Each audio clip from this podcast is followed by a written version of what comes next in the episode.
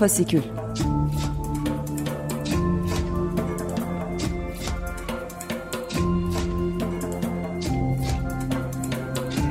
Altyazıdan Aylık Özgür Sinema Gündemi.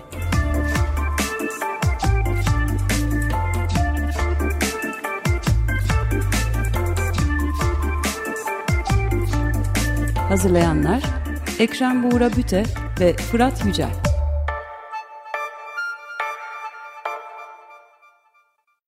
Merhabalar, Fasikül'e hoş geldiniz. Ben Ekrem Buğra Büte. Fırat Yücel'le birlikte her ay Özgür Sinema gündemini değerlendiriyoruz Fasikül'de. Ee, bu ayda e, bir yönetmen konuğumuz var. E, Metin Akdemir bizimle birlikte olacak. E, Hayalimdeki Sahneler filmini konuşacağız birlikte. Metin'e hoş geldin diyerek başlayalım. Hoş geldin Metin. Merhaba, teşekkür ederim davetiniz için. E, malum tabii pandemi şartları devam ediyor. E, giderek yeni bir kapanmanın da eşiğindeyiz. E, o süreç devam ediyor ama bir yandan da biz e, bu dönemde e, üretilmiş işlere ve yeni, yeni ifade alanlarına ses vermeyi, biraz onları da vurgulamayı e, istiyoruz. Ona devam ediyoruz. Bugün de e, öyle bir program olacak. E, hayalindeki sahneleri konuşacağız. E, Metin'e, Metin Akdemir'i Küpeli ve Ben Geldim Gidiyorum filmleri de tanıyoruz. E, son olarak da bir belgesel yaptı. E, önce onun ufak bir duyurusuyla bağlayayım konuyu. E, yarın Altyazı'nın e, YouTube kanalında hayalindeki sahnelerin bir gösterimi olacak. E, sonrasında da e, saat 9'da gösterim. E, sonrasında saat 10'da e, Ayça Çiftçi ile Metin Akdemir bir söyleşi gerçekleştirecekler filmle ilgili. Film e, bir yandan tabii ki altyazı fasikülünün ilgilendiği konularla çok alakalı. E, o yüzden de bizi ilgilendiriyor. E, filmden kendisi de ilgileniyoruz. Bir yandan da e, yapım sürecini de aslında merak ediyoruz. Çünkü epey sansürle ilgili hem filmin içeriği hem filmin e, yapım yolculuğu. E, bugün birazcık o tarafını da konuşmak istiyoruz. E, deyip e, Metin'e en klasik sorumla e, başlayayım isterim. Nasıl çıktı film, nasıl bir yapım süreci oldu? Biraz onlardan bahsetsen ne güzel olur. E, tamam. E, ben yüksek lisans yapıyordum kadın çalışmaları bölümünde İstanbul Üniversitesi'nde. Böyle bir tez yazmak istiyordum. Sinema lisansını yapmıştım. Sinemada queer e, çalışmak istiyordum. E, ve e, kadınlar arası ilişkileri anlatan filmlere bakıyordum ve bu ilişkilerde acaba bir e, homososyal yakınlaşma e, bulabilir miyim diye ilgi, ilgileniyordum. E, e, o dönemde Cinsellik Muamması kitabı çıkmıştı ve o kitapta Özlem Güçlü'nün iki genç kız ve vicdanla ilgili yazdığı yazıdan çok etkilenmiştim. Çünkü benim böyle durduğum yeri bayağı böyle ters düz ediyordu ve böyle zihnimi çok açmıştı. Ee, sonra um, okulda buna uygun bir hoca bulamadım queer çalışabileceğim. Ee, sonra acaba ben bunun filmini yapabilir miyim diye düşündüm ve bir proje dosyası oluşturduk. Ee, o zamanlar e, Volkan Eray vardı arkadaşım. Beraber bir şeyler düşünmüştük. Sonra Boysan arkadaşım vardı. Onunla böyle biraz e, ilerledik fikir olarak. Sonra biz Boysan'la e, İF İstanbul'a başvurduk. E, o dönem e, kadınlar arası proje, kadınlar arası meselelere dair projeye başvuruları alıyordu. Orada e, pitching platformuna e, katıldık ve kat, yani kazanmayı hak ettik. İlk 10 proje olduk. Aynı dönemde e, 2014 yılında Altın Portakal'da e, Reyhan Tuvi'nin Yeryüzü Aşkın Yüzü Oluncaya Dek isimli filmi e, sansüre uğrayınca festivaldeki yönetmenler bir e, aktivist tavır takındılar ve e, hem ödül alırken hem de festival boyunca yakalarına e, buna dair bir sticker yapıştırdılar ve ödül töreninde buna dair de laf ettiler. Hani bu meselenin e, politik olarak doğru olmadığını, bir filmin sansüre uğramaması gerektiğine dair eser işletme belgesine dair de bir problem yaşıyordu o dönem sinemacılar. Bu filmde de gezi meselesine dair görüntüler kullanıldığı için Reyhan Tuvi tarafından e, e, sansüre e, maruz kalmıştı film. E, o dönem e, 2014'te kurmaca alanında yarışan yönetmenler e, örgütlenip bir fon açmaya karar verdiler. Sansürsüz Sinema isminde. E, içinde ismini unuttuklarım beni affetsin. Şimdi telefondan baktım bulamadım hızlıca. İşte Yamaç Okur'un e, olduğu, Aysin Türkmen'in olduğu, Erol Mintaş'ın, Kaan Müjdeci'nin olduğu, Onur Ünlü'nün olduğu ve ismini hatırlayamadım şu an yönetmenlerin olduğu bir oluşumdu bu. Sansürsüz sinema ekibi böyle bir e, o an reaksiyon veren bir oluşumdu. E, bir film projesine ve üç tane de makale projesine destek vereceklerini açıkladılar ve e, bildiğimiz bu sizin de bildiğiniz siyah bant e, oluşumuyla hareket ettiler. Bu Banu Karaca'nın ve Pelin'in de içinde olduğu siyah bant oluşumu. Biz e, işte o dönemki yapımcım Boysan'la bu film projesiyle başvurduk ve filmimiz kazanan o proje proje oldu. Tek bir destek veriyorlar. Tek bir filme destek veriyorlardı.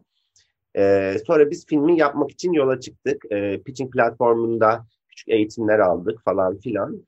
Ee, Boysan'da böyle oyuncuları ve röportaj yapacağımız insanları bulmaya çalışıyorduk. Tam burada filmin konusunu anlasam daha mı verimli olur bilmiyorum ama e, belki ilerleyen ıı, sürede bundan bahsederim. Sonra Boysan ve benim arkadaşlarım Deliş ve Mert bir trafik kazasında ölünce ben filmi yapmaya dair hevesim çok kırıldı. O dönem filmin ismi çekilemeyen sahnelerde. E, böyle bir iki yıl falan hiçbir şey yapamadım. E, o kazandığımız parayı geri mi versem falan diye düşünüyordum. Biraz böyle üzüldüm. E, sonra e, Alt Production House isimli bir şirket e, kısa filmleri ve belgeselleri lisanslayıp bir online platformda göstermek üzere yola çıkmış bir grup arkadaştı. Bunlar beni buldular ve benim iki kısa filmimi göstermek istediklerini söylediler platformlarında. İşte kalktım gittim onların ofisine ve orada şey dediler yeni bir proje yapmak istiyorsan beraber yapabiliriz dediler. Ben de böyle böyle bir şey var ama ben artık bunu yapabilir miyim bilmiyorum dedim. E, çabalayalım falan deyip yola çıktık. E, Emre Kaya ve İrem Akbal isimde iki tane yapımcım oldu o süreçte. Ve film için 2018 e, Temmuz gibi harekete geçtik. Ee, ilk amacımız böyle acaba biz bu filmin o, filmin oyuncularına ulaşabilir miyiz? Çünkü amacım e, üç tane Türk filmin, Türkiye'li filmin e, oyuncularıyla röportaj yapmak, o filmlerin telifini almak, o filmlerdeki kadınlar arası ilişkilere dair sahneleri tekrar hayalimdeki haliyle çekmek gibi böyle üç parçalı bir yapıya sahipti. E, ve böyle işte filmi bir şekilde bitirdik. Bir sürü aksilik oldu. Telifleri bulmakta çok zorlandık. Çünkü Türkiye'de telif hakları birazcık e, dağılmış bir konu. Atıyorum işte Atıf Yılmaz vefat etmiş. Ailesi reddi miras yapmış. Filmin sahip olduğu şirket kapanmış. Filmin sahip olduğu yapımcı vefat etmiş. O filme ulaşmak çok zordu. Sonra o oyunculara ulaşmak da çok zor oldu. İşte bu filmlerde oynayan 6 tane kadın oyuncu var işte Nur Sürer Müjdar, Hale Soygazi, Şayka Tekant, Serap Aksoy, Zuhal Olcay gibi bu altı oyuncuyla da konuşmak istiyordum. Bu kısım da biraz bizi yıprattı. Sonra bu benim çekeceğim sahnelerin oyuncularını bulmak da bir meseleydi. Çünkü e, kabaca erotik diyebileceğim e, sahneler çekecektim. Seksüel yakınlaşmaların olduğu sahneler çekecektim. Ve birazcık da e, çok no name e, isimlerle çalışmaktansa biraz daha böyle name isimlerle çalışırsam filmin daha büyük promosyonu olur diye düşündüm. Bir an aktivist tavırlı olduğunu düşündüm. Oyunculara da gittim. Orada da küçük sıkıntılar yaşadık. Bir aşamada oyun, bulduğum oyuncularla bir yerde e, yollarımızı ayırmak zorunda kaldık. Sonra ben çözümü yakın arkadaşlarımda ve oyuncu olduğum, oyunculuk yapan arkadaşlarımda bularak bu meseleyi de hallettim. Ee, yakın zamanda da bir tane daha filmin telifini alamamıştık. Onu da çözdük. Ee, o kısmı da anlatırım. Yani filmin sahibi e, Minne Film e, sahibi Yurdatap Bey, Kadri Yurdatap. Hatta çalışmıştım kendisiyle Mine Film'de. Vefat ettiği için ailesine ulaşamaya çalışıyorduk. Ulaşamıyorduk. Sonra araya birini sokarak filmin şu an dijital haklarına sahip olan Gülşah filme ulaştık. Oradan o filmin de telifini alarak böyle filmi çok bitir, bitirebildik.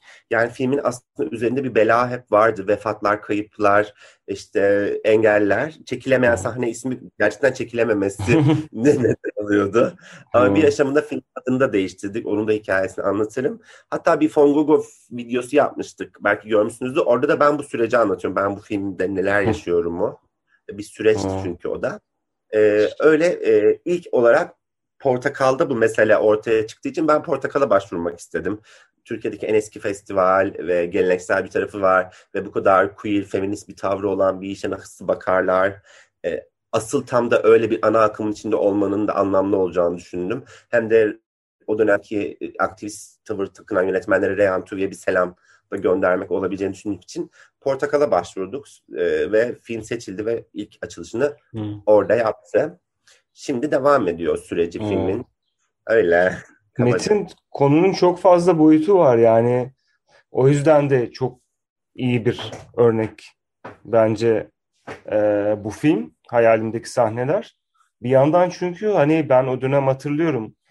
2014'te e, Reyhan Tuvi'nin filmine e, yönelik bir sansür uygulaması olduğunda hani sansür nedir, bu sansür mü diye tartışıldığını bile hatırlıyorum. Yani hani daha başka nasıl sansür olabilir sorusu da doğabilir. Programdan bir belgesel çıkartılmış hani sansür nasıl olacak başka türlü diye bir şey de vardı. Yani doğrudan bir aslında festivalin belki de devleti iç, devlet bakışını içselleştirerek yaptığı bir sansürdü ve çok bariz bir sansürdü. Ama bir yandan da hani devlet sansürü olarak da görülebilecek bir şeydi otosansürün yanı sıra. Çünkü devletin bir resmi ideolojisi var. Hani bu ideolojiye ters bir film, sakıncalı filmler vesaire. Ama senin filmin o dönem e, hani hatırlıyorum ben senin projen bunu alınca çok sevinmişim çünkü bambaşka bir boyutunu gösteriyor. Yani sansürün. Sansürün bir yandan da her zaman hayal gücünü etkileyen, her zaman e, temsilin sınırlarını etkileyen bir tarafı olduğunu ve süre giden bir şey olduğunu söylüyor. Yani doğrudan bir devlet sansürü değil. E, sen o dönem yani nasıl mesela bu yönetmenlerle konuştunuz mu? Sansürsüz sinema fonu onlar nasıl sana bir şey dediler mi? Şu açıdan çok sevdik projeyi falan filan bir diyalog oldu mu o süreçte? Hatırlıyor musun?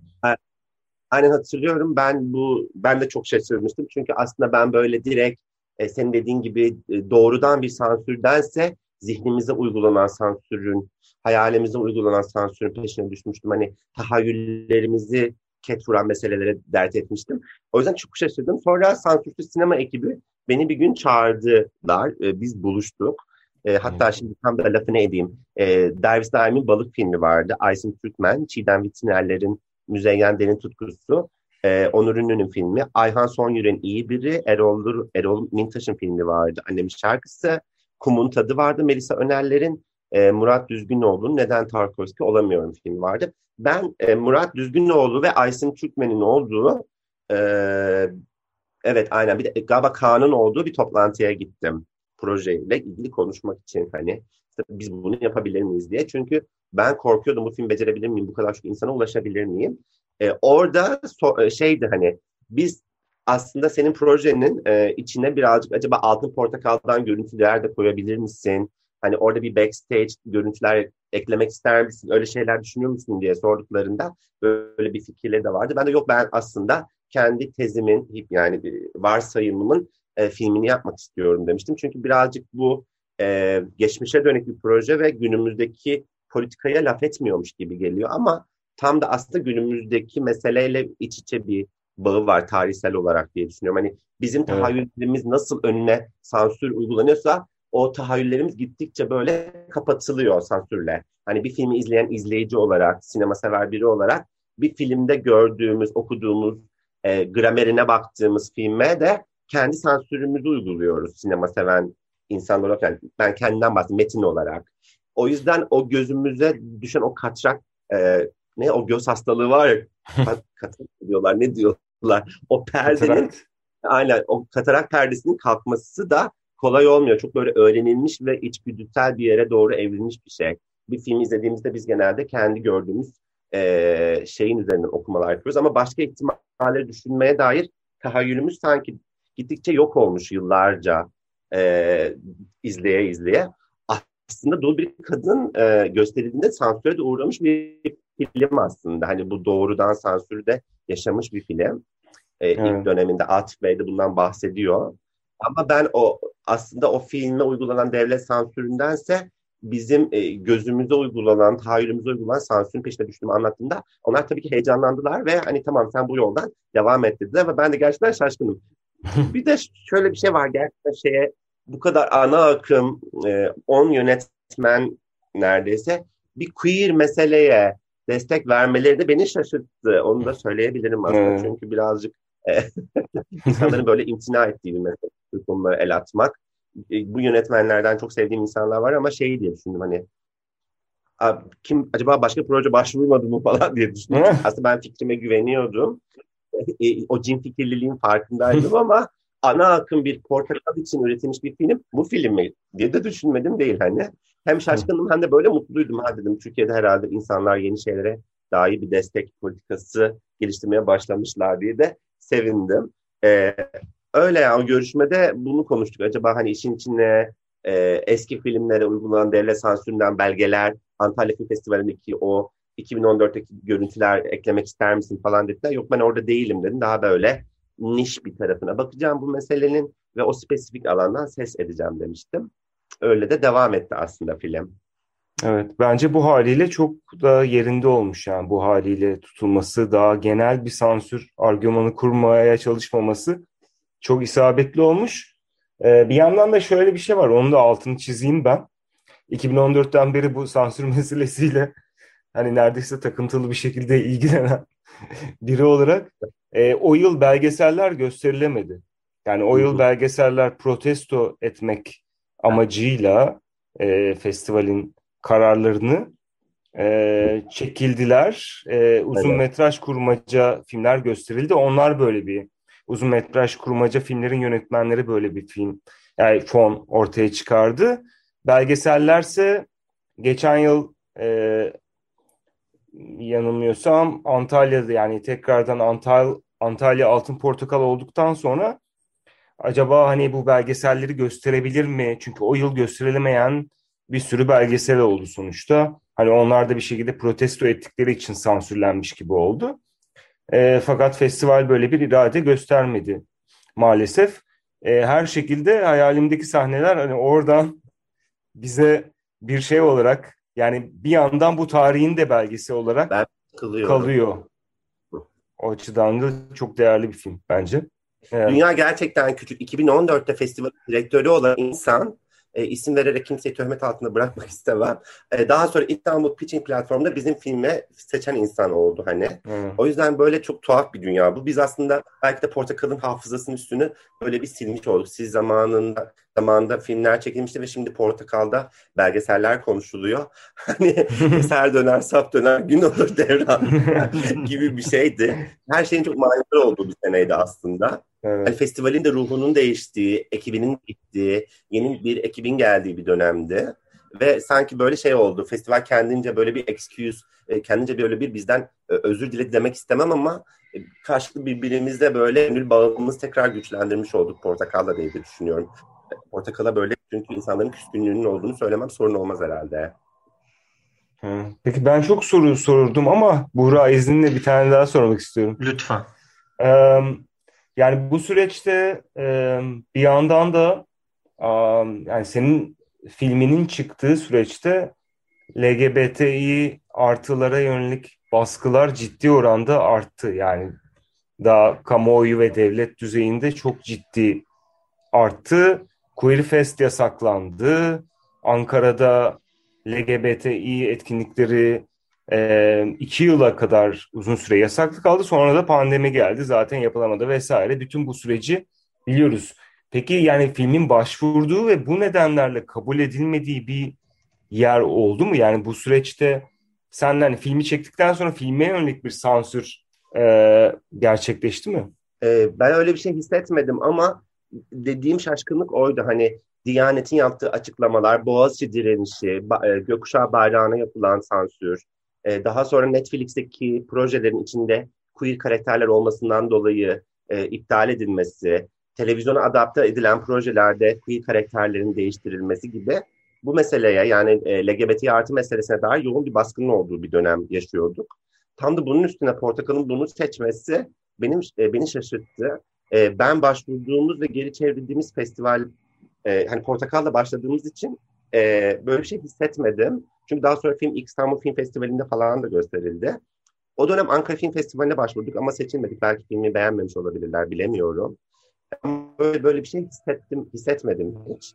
E, hatta o, o dönemden başka işte Queer Fest meselesini sen de söylemiş oldun. Buna dair bir şey hiç hissetmedim. E, ama ben şey düşünüyordum hani e, ilk gösterimin olduğu gün üzerinde bir tedirginlik vardı. Hatta festivalde kısa ve belgesellerin e, kürasyonunu yapan Engin'e söyledim. Yani bu filmin gösteriminde bir problem yaşarsak bir güvenlik önlemi düşündünüz mü diye sordum. O da yok hiç böyle bir şey olmaz. Buna dair bir şeye dair kaygın olmasın demişti bana. E, ya tedirgin olmaya hakkım olduğunu düşünüyorum. Çünkü bu kadar çok şey olmuş. Evet. Biz queer içerikli bir film gösteriyoruz. İnsanların tepkisini çekecek bir şey gösteriyoruz ama e, bir şey olabilir diye de kaygılandım ama bir şey olmadı. Küçük bir anekdot da anlatırsam eğer e, bizim Antalya'daki gösterimin olduğu zaman iki film gösteriliyordu. Ara verildiğinde dışarı çıktım ben böyle bir çay bir şey almaya. Kapıdaki gü- güvenlik görevli şeydi. Bundan sonraki film neymiş diyor güvenlik görevlisi. Öbürü o da, o da şey diyor erotik filmmiş, erotik filmmiş demiş. Öyle ben de Allah'ım dedim. İnşallah başımıza bir şey gelmez. İki film birden estetiği gibi başta. ya filmin filme yapılan tepkiler beni de çok şaşırttı. Ben de bayağı iyi şeyler duydum için mutluyum yani. Evet. Yakın zamanda ya, hatta böyle bir online platformda olacağız. Ya e, insan konuşmaya devam etmek istiyor ama ufaktan süremizin sonuna geliyoruz. E, o yüzden e, son bir sözüm varsa onu alalım Metin ve sonra e, gösterimdeki yarınki sohbete bırakalım gerisini istersen. Ya e, altyazının benim için çok böyle manidar bir tarafı var. Ben cezaevinde kaldığımda Altyazı dergisini cezaevine istemiştim ve onlar bana e, sayı 5 sayısını göndermişlerdi böyle. Şimdi tekrar yine keser döner sap döner oldu ve şimdi biz beraber bunu mektup yazmıştım e, altyazıya dergiye ulaşamıyoruz diye. Şimdi beraber bu gösterimi ve bu konuşmayı yap yapıyoruz. O yüzden çok mutluyum beraber böyle bir şeyin altına girdiğimiz için. O mektup ee, bizi çok heyecanlandırmıştı, çok şevk vermişti. Biz sana teşekkür ederiz o mektup için. ben teşekkür ederim. Umarım böyle dersler çıkaramayacağımız şeyler yaşamayız artık bir daha. evet yani günün sonunda e, yani filmlerin etrafında bir aradayız. Bir, beraber üretiyor. Bazen de birbirimizin işte üretimlerinde bir yerden dahil oluyor olmak her şekilde temel heyecan verici. E, ben de Antalya'daki gösterimde olan e, şanslı kişilerdendim e, festivalin en güzel ortamlarından birisiydi bence o gösterime sonrası.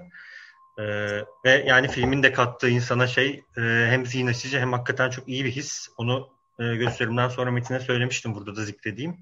Ya bugünden bunlara bakmanın, bu sahnelere bugünden bakmanın, o queer ihtimallere bugünden bakmanın çok tuhaf bir kurtarıcılığı var bence. E, deyip o yüzden e, yarınki e, IM'deki sahneler gösterimine davet edeyim herkese e, bahsedildi ama başta tam net söylemedim. E, şimdi söyleyerek bitireyim.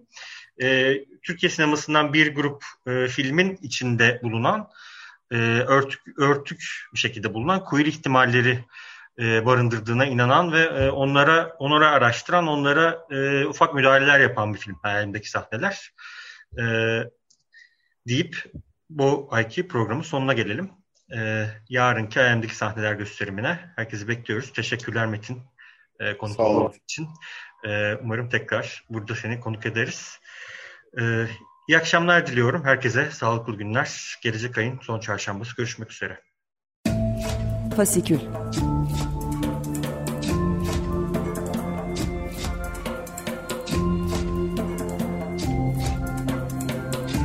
Altyazıdan Aylık Özgür Sinema Gündemi